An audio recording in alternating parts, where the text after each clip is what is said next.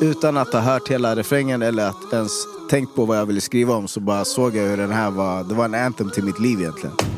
De har streamats miljontals gånger, gått varma på våra radiostationer och fått tusentals människor att sjunga med.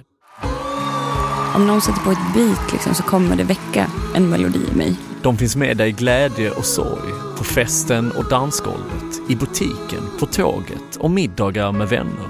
Den känslan har alltid funnits i alla mina, mina låtar. Vad är egentligen historien bakom dem? Hur föddes de och vad består de av?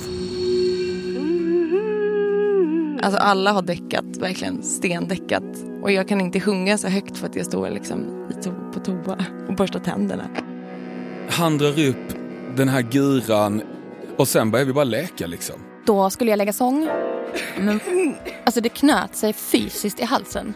Och så bara spelade jag in en takt och så loopade jag det och det ligger under hela låten. Vi behövde få in mer Jonossi i det. Det första fröet är ju verkligen eh, en känsla.